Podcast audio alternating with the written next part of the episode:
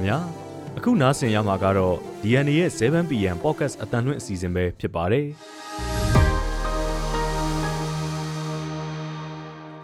ဒီကနေ့စက်တင်ဘာလ12ရက်နေ့ရဲ့ Podcast အတန်လွင့်အစီအစဉ်မှာတော့ခေါင်းဆောင်မှုအားနည်းချက်ကြောင့်လူမှုအထိမနာစေဖို့ NUG ယာယီသမရတတိပေးလိုက်တဲ့အကြောင်း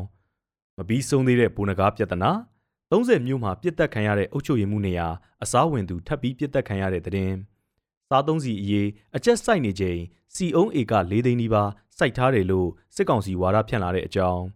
လက်နက်ကြီးကြောင့်ပလော PDF တက်စိတ်မှုကြဆုံးပြီးနှစ်ဦးဒဏ်ရာရတဲ့တဲ့င်းစတဲ့ပြည်တွင်းသတင်းများနဲ့အတူ9/11နှစ်ပတ်လည်နေ့ပင်တဂွန်ကအောက်မေ့မှုအခမ်းအနားမှာလွမ်းသူပန်းခွေချခဲ့တဲ့အမေရိကန်သမ္မတကတော်ရဲ့တဲ့င်းတူရကီမြေအောက်ကူထဲမှာတပတ်ကျော်ပိတ်မိနေတဲ့အမေရိကန်နိုင်ငံသားကိုကယ်ထုတ်မှုအောင်မြင်ပြီးစီးတဲ့အကြောင်းစတဲ့နိုင်ငံတကာသတင်းများနဲ့အတူ စာရေးဆရာမင်းသိရဲ့ဂျိန်ဖန်များစွာလေ့ကျင့်ပါဆိုတဲ့ဆောင်းပါးကိုနားဆင်ရမှာဖြစ်ပါတယ်။ဒီအစီအစဉ်ကိုတော့ကျွန်တော်မောင်သိန်းနဲ့အတူနန်းခမ်းတို့ကတင်ဆက်ပေးသွားမှာပဲဖြစ်ပါတယ်။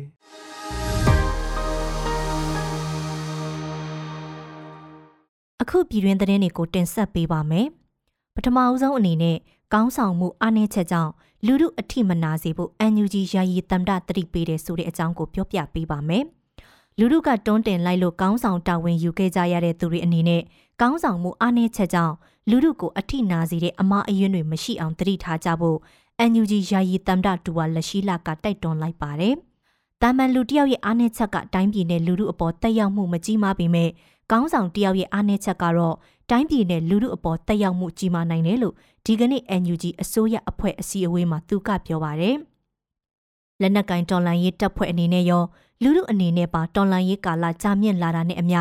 စိတ်နေသဘောထားလောက်ခံမှုတွေတိမ်ညွတ်ချက်တွေပြောင်းလဲနေတတ်ပြီးဒီအခြေအနေကြားမှာပဲဥတီချက်မပြတ်ယွန်းသွားအောင်ဥဆောင်နိုင်ဖို့လိုတယ်လို့ယာယီတမ်ဒကဆိုပါတယ်။ NUG ရဲ့ပြည်ထောင်စုဝန်ကြီးချုပ်မန်းဝင်းခိုင်တန်းကတော့စစ်ကောင်စီဟာရွေးကောက်ပွဲကိုသူတို့ရဲ့ထွက်ပေါက်အဖြစ်သတ်မှတ်ထားပြီးရွေးကောက်ပွဲလုပ်နိုင်အောင်မဖြစ်မနေစ조사လာမယ့်အခြေအနေရှိတယ်လို့တတိပေးထားပါတယ်။ ဒါကြောင့်အဲ့ဒီအတုအယောင်ရွေးကောက်ပွဲဖြစ်မလာနိုင်အောင်ဗပောင်းဆောင်ကနေစဉ်းစားလုပ်ကင်ဖို့လိုသလိုနိုင်ငံတကာကိုလည်းဒီရွေးကောက်ပွဲဟာစစ်ကောင်စီအနေနဲ့လောက်ခွင့်မရှိတဲ့ရွေးကောက်ပွဲဖြစ်တဲ့ဆိုတာကိုတိတိကျကျသတင်းစကားပေးထားဖို့လိုတယ်လို့မန်ဝင်းခိုင်တန်းကပြောပါတယ်ရှင်။ဒုတိယသတင်းတစ်ပုဒ်အနေနဲ့မပြီးဆုံးသေးတဲ့ဘူနဂါပြဿနာအကြောင်းကိုပြောပြပေးပါမယ်။မကြသေးခင်ကမှ NUG တာဝန်ရှိသူတွေကိုလူသိရှင်ကြားဝေဖန်ပြောဆိုမှုတွေလုပ်ခဲ့တာကြောင့်အငင်းပွားစရာတွေဖြစ်ခဲ့ရတဲ့ ပလဲနယ်ကဘူနဂါပြဿနာဟာတခန်းရက်သွားပြီလို့ထင်ရပေမဲ့အခုထိတော့မဆုံးနိုင်သေးပါဘူး။ဘူနဂါနဲ့ပတ်သက်လို့အကြိမ်ကြီးအများစုမှာနှုတ်ဆက်နေလေးရှိတဲ့ NUG ဘက်ကဒီကနေ့မှကြေညာချက်တရက်ထုတ်ပြန်လာတာကြောင့်ဘူနဂါပြဿနာပြန်ဆပြိုးလာပြန်တာပါ။ဗမာအမျိုးသားတော်လှန်ရေးတပ်မတော် BNRA ဆိုတဲ့တပ်ဖွဲ့တစ်တီထောင်လိုက်တာနဲ့ပတ်သက်လို့ဘုံနဂါကသူဟာ NUG ကာကွယ်ရေးဝန်ကြီးယာယီသမရတို့နဲ့ဆွေးနွေးညှိနှိုင်းခဲ့တယ်လို့လူမှုကွန်ရက်ကနေပြောခဲ့ပါတယ်။ ဒါပေမဲ့ NUG သမရယုံပြောရေးဆိုခွင့်ရှိသူဦးကျော်စောတာဝန်ခံထားတဲ့ NUG ဘက်ကထုတ်ပြန်ချက်မှာတော့အဲ့ဒီအချက်တွေကိုပယ်ချထားတယ်လို့ယူဆရပါတယ်။ယာယီသမရဒူဝါလက်ရှိလကာကွယ်ရေးဝန်ကြီးဦးရီမွန်နဲ့ MRDA ခေါင်းဆောင်ဘူနဂါတို့တွေ့ဆုံခဲ့တာကိုအဲ့ဒီထုတ်ပြန်ချက်ကအတီးပြုတ်ပေမဲ့ဆွေးနွေးခဲ့ကြတဲ့အကြောင်းအရာတွေမှာတော့ကွဲလွဲမှုတွေရှိနေတာပါ။တွဲဆုံမှုအတွင်းကာကွယ်ရေးဝန်ကြီးဌာနနဲ့ မဟာမိတ်တွေစစ်ဒေသအလိုက်တိစောက်ထားတဲ့အမိန်ပေးကိုကဲမှုစနစ်အတွင်းပါဝင်ဖို့အလေးထားဆွေးနွေးခဲ့ကြပြီးတခြားဆွေးနွေးချက်သဘောတူညီချက်တစုံတရာလုံးဝမရှိဘူးလို့တမရာယုံပြောရေးဆိုခွင့်ရှိသူရဲ့ထုတ်ပြန်ချက်မှာဖော်ပြထားပါတယ်။ဒါဟာဘိုးနဂါဘက်ကပြောဆိုထားမှုကိုခြေဖြတ်လိုက်တယ်လို့ယူဆနိုင်ပါတယ်။ဘိုးနဂါကတော့သူ့အနေနဲ့ကာကွယ်ရေးဝန်ကြီးတမရတို့နဲ့တွေ့ဆုံခဲ့ချိန်မှာ BNRA နဲ့လက်တွဲပူးပေါင်းဆောင်ရွက်သွားဖို့ဆွေးနွေးကတိပြုခဲ့ကြတယ်လို့ပြောထားတာပါ။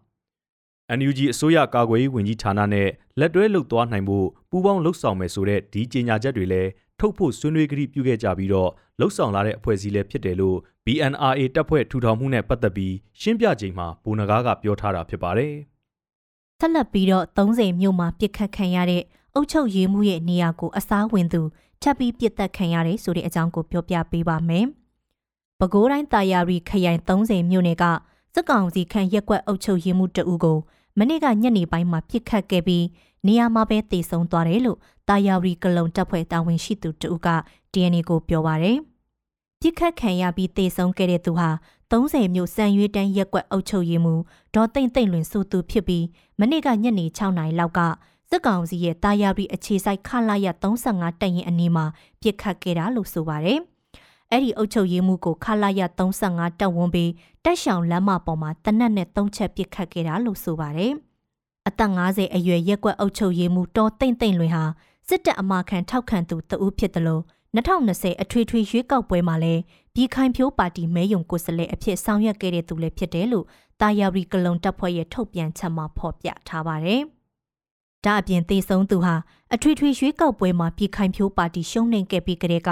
အာဏာသိမ်းဖို့စော်ဩခဲ့တယ်လို့အာဏာသိမ်းပြီးချိန်မှာလည်းဆန္ဒပြသူတွေကိုဖမ်းဆီးခိုင်းတာတွေလုပ်တာကြောင့်အခုလိုပြစ်ခတ်ခဲ့တာလို့တာယာရီကလုံတပ်ဖွဲ့တာဝန်ရှိသူကပြောပါတယ်။ဒေါ်သိမ့်သိမ့်လွင်ရဲ့လှုပ်ဆောင်ချက်တွေနဲ့ပတ်သက်လို့တော့ DNA အနေနဲ့တိကျအတည်ပြုနိုင်ခြင်းမရှိသေးပါဘူး။ပြစ်ခတ်မှုဖြစ်ပြီးတဲ့နောက်စစ်ကောင်စီတပ်ဖွဲ့ဝင်တွေက30မြို့တွင်းမှာပိုက်စိတ်တိုက်ရှာဖွေစစ်ဆေးမှုတွေလုပ်နေသလိုဒေသခံတချို့ကိုလည်းဖမ်းဆီးစစ်ဆေးနေတယ်လို့သိရပါဗျ။နောက်ထပ်သတင်းတစ်ပုဒ်အနေနဲ့ စားသုံးစီရေးအကျက်စိုက်နေချိန်စီယုံအေက၄သိန်းနီးပါးစိုက်ထားတယ်လို့စစ်ကောင်စီဝါဒဖြန့်လာတဲ့အကြောင်းကိုပြောပြပေးပါမယ်။ပြည်တွင်းမှာစားသုံးစီတွေအကန့်အသတ်နဲ့ဝယ်ယူနေရပြီးဒေသတချို့မှာတော့ဝယ်မရတဲ့အထိအကျက်စိုက်နေချိန်မှာစစ်ကောင်စီကတနင်္သာရီတိုင်းတွင်စီယုံဧက၄သိန်းနီးပါးစိုက်ပျိုးထားတယ်ဆိုပြီးဝါဒဖြန့်လာပါတယ်။ပြီးခဲ့တဲ့ဇူလိုင်လနဲ့ဩဂုတ်လတွေတွင်စားသုံးစီလုပ်ငန်းရှင်တချို့ဖမ်းဆီးထိန်းသိမ်းခံရတာစီစေးနှုံကြီးကြပ်ရေးကော်မတီပေါ်ပေါက်လာတာစတဲ့မတည်ငြိမ်မှုတွေရှိခဲ့ပြီးတဲ့နောက် အခုလအတွင်းမှာတော့နိုင်ငံတော်မှာစားသုံးစီရဖို့အလူရက်တိုးဝေဝယ်ယူနေရတဲ့လူဒန်းရှည်တွေပိုများလာပါတယ်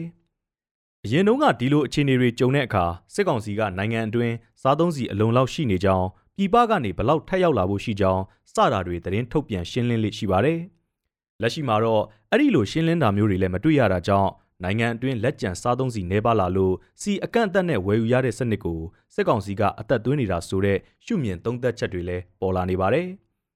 ဒီလိုရှုပ်ထွေးနေတဲ့အခြေအနေမှာစစ်ကောင်စီကတော့ရှင်းလင်းတဲ့သတင်းအချက်လက်တွေအစားတနင်္သာရီတိုင်းမှာစီယုံဧက၄သိန်းနီးပါးစိုက်ထားတယ်ဆိုပြီးသူတို့ထိန်းချုပ်ထားတဲ့နိုင်ငံပိုင်မီဒီယာတွေကနေဖော်ပြလာတာပါ။မြန်မာနိုင်ငံမှာစီအုံအောင်မြင်ဖြစ်ထွန်းတဲ့ဒေသဟာတနင်္သာရီတိုင်းသာရှိလို့ဗိတ်ခရိုင်နဲ့ကော့တောင်းခရိုင်တို့မှာစီချမ်းနဲ့စီကြောဆက်ယုံတွေပေါ်ပေါက်လာဖို့ဒေသခံစီအုံစိုက်ပျိုးသူတွေကမျှော်လင့်နေကြတယ်လို့လည်းဖော်ပြထားပါတယ်။ဆက်လက်ပြီးပြောပြချက်တဲ့အကြောင်းကတော့ လက်နက်ကြီးကြောင့်ဘလော့ PDF တက်စိတ်မှုကြဆုံးပြီးနှုတ်တန်ရာရတယ်ဆိုတဲ့အကြောင်းပါ။တနင်္သာရီတိုင်းပလောမြို့နယ်မြတောင်ကျေးရွာမှာမနေ့ကညနေ6နာရီခွဲလောက်ကစစ်ကောင်စီတပ်တွေပစ်ခတ်တဲ့လက်နက်ကြီးကြီးထိမှန်လို့ PDF တက်စိတ်မှုတဦးကြဆုံးခဲ့ပြီးတော့နှစ်ဦးတန်ရာရရှိခဲ့ပါတယ်။စကောင်စီကပြစ်ခတ်လိုက်တဲ့လက်နက်ကြီးကြီးဟာအဲ့ဒီ PDF တပ်ဖွဲ့ဝင်တွေနေထိုင်နေတဲ့အိမ်ပေါ်ကိုတဲ့တဲ့ကြရောက်ပောက်ကွဲခဲ့တာကြောင့် တက်စိတ်မှုကနေရာမှာတင်ကြဆုံးခဲ့ပြီးတော့နှစ်ဦးတန်ရာရရှိခဲ့တာလို့ဗိတ်ခရိုင် PDF တပ်ရင်တက်ကပြန်ကြားရေးတာဝန်ရှိသူက DNA ကိုပြောပါတယ်။ကြဆုံသွားခဲ့တဲ့သူဟာဗိတ်ခရဲ့အမတ်တစ်တရင်ကအသက်30ဝန်းကျင်တက်စိတ်မှုကိုစဉ်ဖြစ်ပြီးဒဏ်ရာရသူနှစ်ဦးထက်ကတဦးကလည်းစိုးရိမ်ရတဲ့အခြေအနေရှိတယ်လို့သူကပြောပါတယ်။ကြာဆုံးခဲ့တဲ့တက်စိတ်မှုကိုစင်ကိုဒီကနေ့နေ့လယ်12နိုင်ဝန်းကျင်မှာစစ်အခမ်းအနားနဲ့တကြိုပေးခဲ့ပြီး အမိန့်ပြန်တမ်းဖတ်ခဲ့တယ်လို့လည်းအဲ့ဒီတာဝန်ရှိသူကဆက်ပြောပါတယ်။ဘလော့အခြေဆိုင်ချေလင်တက်ရင်ခလာရနှိရှင်ငါမြတောင်ကျေးရွာနဲ့နမိုင်လောက်အကွာတိုးတောင်ပေါ်တက်ဆွဲထားတဲ့စစ်ကောင်စီတပ်နဲ့မြတောင်ရွာအနောက်ဘက်ပင်လယ်ပြင်မှာရှိတဲ့ရေတက်စစ်သမောတို့ကနေအခုလိုလက်နက်ကြီးတွေနဲ့ပစ်ခတ်ခဲ့တာလို့သိရပါဗျ။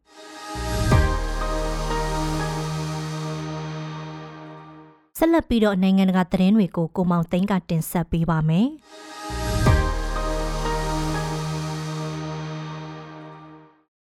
9/11ကဘာကျော်အကြမ်းဖက်တိုက်ခိုက်မှုကြီးနှစ်ပတ်လည်နေ့မှာအမေရိကန်သမ္မတကတော်ဂျီဘိုင်နန်ဟာပင်တဂွန်စစ်ဌာနချုပ်မှာကျင်းပတဲ့အခမ်းအနားကိုတက်ရောက်ပြီးလွမ်းသူပန်းခွေချခဲ့ပါတယ်။ဂျီဟာစက်တင်ဘာ17ရက်ကကျင်းပတဲ့အောက်မေ့မှုအခမ်းအနားကိုကာကွယ်ရေးဝန်ကြီး Lloyd Austin, American စစ်တပ်အကြီးအကဲဗိုလ်ချုပ်ကြီး Mark Milley တို့နဲ့အတူရောက်ရှိလာခဲ့ပါတယ်။ဒါဟာပြီးခဲ့တဲ့သတင်းပတ်ကကိုဗစ်ရောဂါဆွဲကပ်ခံစားခဲ့ရကြောင်းကြေညာပြီးတဲ့နောက်ပိုင်းဂျီရဲ့ပထမဆုံးအကြိမ်လူမြင်ကွင်းရှိပြန်ထွက်လာမှုလည်းဖြစ်ပါတယ်။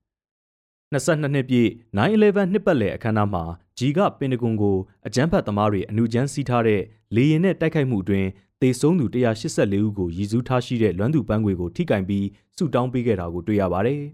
။ဂျီဟာခင်မွန်တဲ့သမရဂျိုးဘိုင်နန်ကိုစားပင်ဆယ်ဗေးနီးယားကိုရောက်လာတာဖြစ်ပြီးသမရကတော့မိုင်ထောင်ပေါင်းများစွာဝေးကွာတဲ့အလက်စကာပြည်နယ်ကစစ်စခန်းတစ်ခုမှာအမေရိကန်စစ်သည်တွေနဲ့အတူ9/11နှစ်ပတ်လည်အောက်မေ့မှုအစီအစဉ်တစ်ခုကိုတက်ရောက်ခဲ့ပါတယ်။ ဘိုင်ဒန်ဟာ9/11အကြမ်းဖက်တိုက်ခိုက်မှုလက်တွေ့ခံစားခဲ့ရတဲ့နေရာတွေကနှစ်ပတ်လည်အခမ်းအနားတွေစီမရောက်ရှိခဲ့တဲ့အတွက်လည်းဝေဖန်မှုတချို့နဲ့ကြုံနေရပါတယ်။ဂျီကလွန်ခဲ့တဲ့22နှစ်ကဖြစ်ပွားခဲ့တဲ့ကြောက်မက်ဖွယ်ရာအကြမ်းဖက်မှုကြီးဟာသူအပါဝင်အမေရိကန်နိုင်ငံသားအလုံးရဲ့ဘဝတွေကိုတနည်းတစ်ဖုံတက်ရောက်ပြောင်းလဲစေခဲ့တယ်လို့ပြောပါတယ်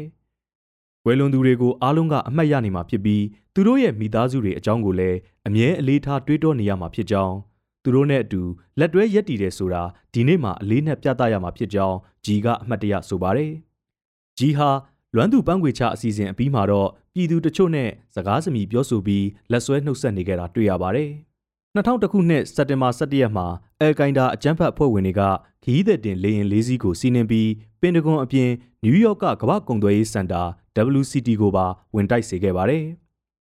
အိမ်ဖြူတော်ဒါမှမဟုတ်အမေရိကန်လွှတ်တော်စီဥတီခဲ့တယ်လို့ယုံကြည်ရတဲ့လေရင်တစည်းမှာတော့ခီးသည်တွေရဲ့ရဲရဲရင့်ရင့်အုံကြွစန့်ကျင်မှုကြောင့်အစီအစဉ်မအောင်မြင်ခဲ့ပဲပင်ဆယ်ဗေးနီးယားကကွင်းပြင်တစ်ခုမှာလေရင်ပြတ်ကျသွားခဲ့ပါတယ်။9/11အကြမ်းဖက်မှုမှာလေရင်တွေကိုစီးနှင်းခဲ့တဲ့အယ်ကိုင်ဒါအဖွဲ့သား19ဦးအပါအဝင်လူပေါင်း3000နီးပါးလောက်အသက်ဆုံးရှုံးခဲ့ပြီးဒုတိယကမ္ဘာစစ်ကပလဲစိတ်ကံဘုံကျဲခံရမှုအပြီးအမေရိကန်မြေမှာကြုံမှုသမျှအဆိုးဆုံးတိုက်ခိုက်ခံရမှုအဖြစ်မှတ်တမ်းဝင်ခဲ့ပါတယ်။ ရုတ်တရက်ကျမ်းမာရေးထားဖောက်လို့တူရကီနိုင်ငံကနက်ရှိုင်းလာတဲ့မြေအောက်လှိုင်ကူတစ်ခုမှာရက်အတော်ကြာတောင်တင်နေခဲ့တဲ့အမေရိကန်နိုင်ငံသားကိုအောင်အောင်မြင်မြင်ကယ်တင်နိုင်ခဲ့ပြီဖြစ်ပါတယ်။မက်တကီဟာတဘာဝလှိုင်ကူတွေထဲစွန့်စားသွားလာလေးရှိသူတူဖြစ်ပြီးတူရကီကတတိယအနက်ဆိုင်ဆုံးလှိုင်ကူဖြစ်တဲ့မော်ကာကူထဲမှာသတင်းတစ်ပတ်ကြော်ကြာပိတ်မိနေခဲ့တာပါ။သူဟာစက်တင်ဘာ2ရက်ကဂူထဲကိုအဖော်ရီနဲ့အတူဆင်းသက်သွားရင်းဆိုးရွားတဲ့ဝမ်းပိုက်နာကျင်မှုဝေဒနာနဲ့ကြုံတွေ့ပြီးဂူထဲကနေမထွက်နိုင်ဖြစ်နေခဲ့ပါတယ်။ အဲဒီနောက်ကယ်ဆယ်ရေးလုပ်သား150လောက်ထိစုဝေးပြီးရှုပ်ထွေးခက်ခဲလာတဲ့ကယ်ဆယ်ရေးမရှင်ကိုအစပြုခဲ့ပါတယ်။သူတို့ဟာဒစ်ကီရဲ့ကျမ်းမာရေးအခြေအနေကိုအထိုက်လျောက်တိုးတက်လာအောင်ကူညီပေးပြီးတဲ့နောက်ဂူထဲကနေဖြည်းဖြည်းချင်းစီသူ့ကိုဆွဲတင်ခဲ့ကြရတာဖြစ်ပါတယ်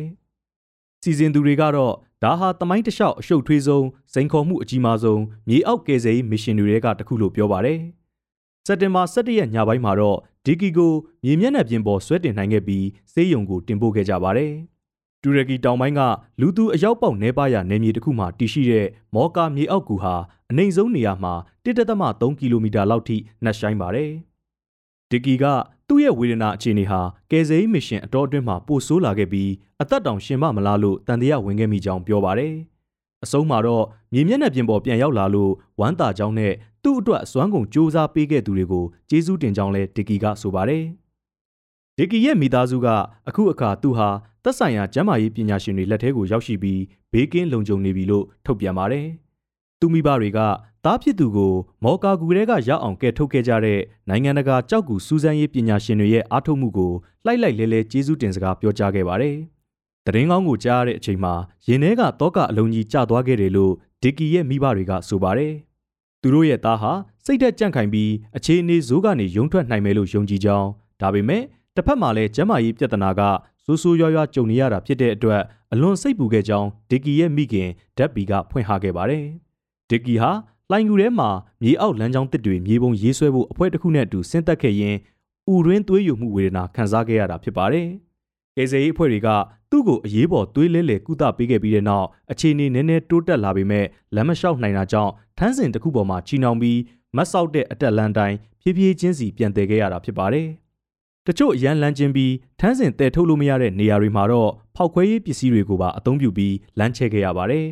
။ကယ်ဆယ်ရေးမစ်ရှင်မှာခရိုအေးရှားနဲ့ဟန်ဂေရီတို့အပါအဝင်နိုင်ငံတချို့ကကြောက်ကူပညာရှင်တွေပါလာရောက်ပူးပေါင်းခဲ့ကြပါတယ်။ဒီကီရဲ့ဇနီးလောင်ဂျက်စီကာဘန်အော့ဖ်ကလည်းကြောက်ကူထဲထိဆင်းလာပြီးဒီကီအတော်လေးနေထိုင်မကောင်းဖြစ်နေချိန်တုန်းကအနားမှာနေပေးခဲ့ပါတယ်။ ဒါပေမဲ့အခြေအနေပြန်တိုးတက်လာတဲ့အခါမှာတော့ကယ်ဆယ်ရေးအဖွဲ့တွေရဲ့မြစ်တာရက်ခံမှုကြောင့်မြေပြင်ပေါ်ပြန်သွားပြီးစောင့်ဆိုင်နေခဲ့ပါတယ်။ဒီကီဟာကြောက်ကူတွေကိုလေးလာစူးစမ်းသွားလာမှုအတွေ့အကြုံနှစ်ပေါင်း20လောက်ပိုင်ဆိုင်ထားသူလို့လည်းသိရပါတယ်။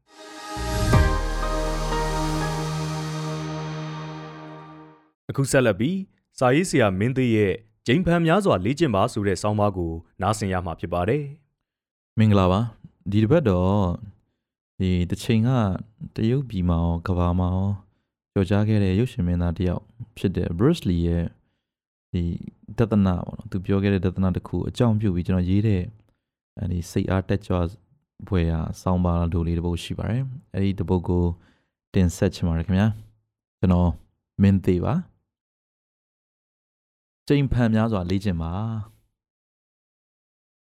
စေကျော်သက်အရွယ်တုန်းက Bruce Lee ရဲ့ ဘဝရုပ်ရှင်ကိုကြည့်ဘူးတယ်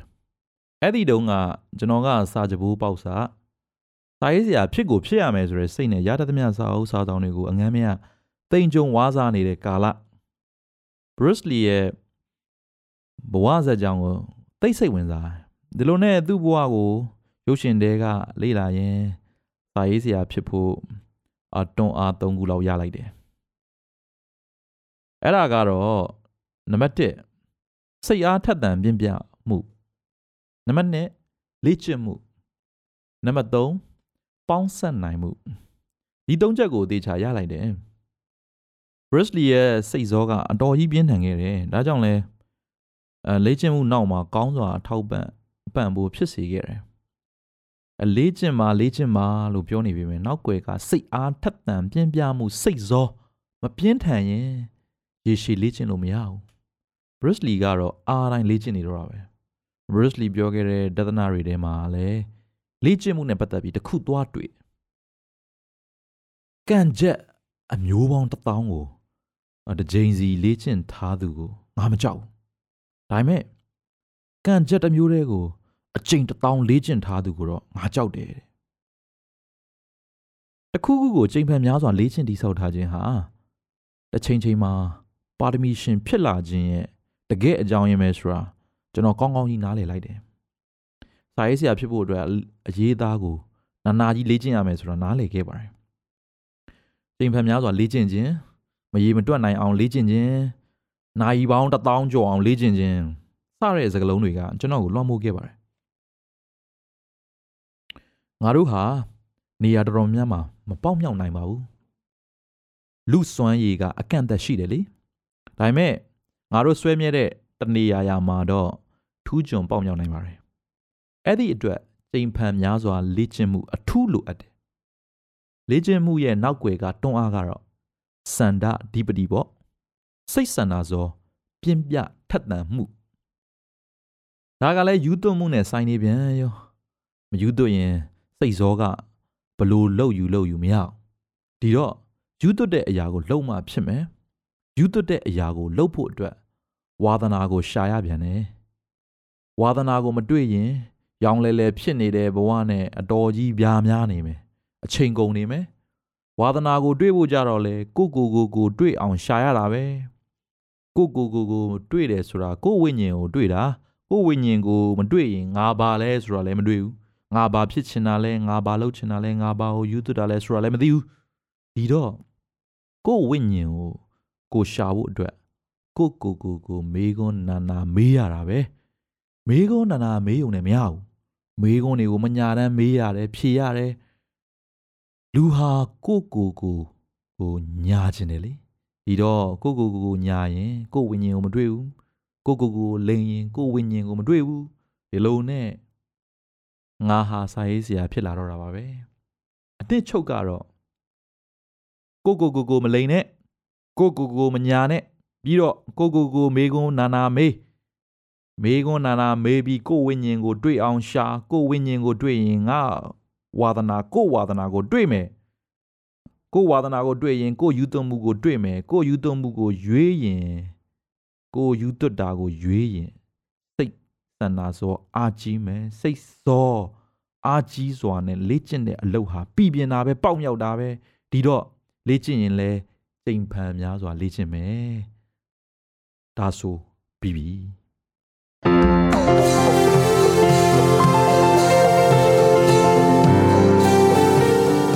DNA ရဲ့ podcast အတန်လွင့်အစီအစဉ်ကိုအပတ်စဉ်တင်းလာနေကနေတောက်ကြနေည9:00နာရီတိုင်းမှာတင်ဆက်ပေးသွားမှာပဲဖြစ်ပါတယ်။ဒီအစီအစဉ်ကိုတော့ DNA ရဲ့ Facebook Page ကနေအပြင်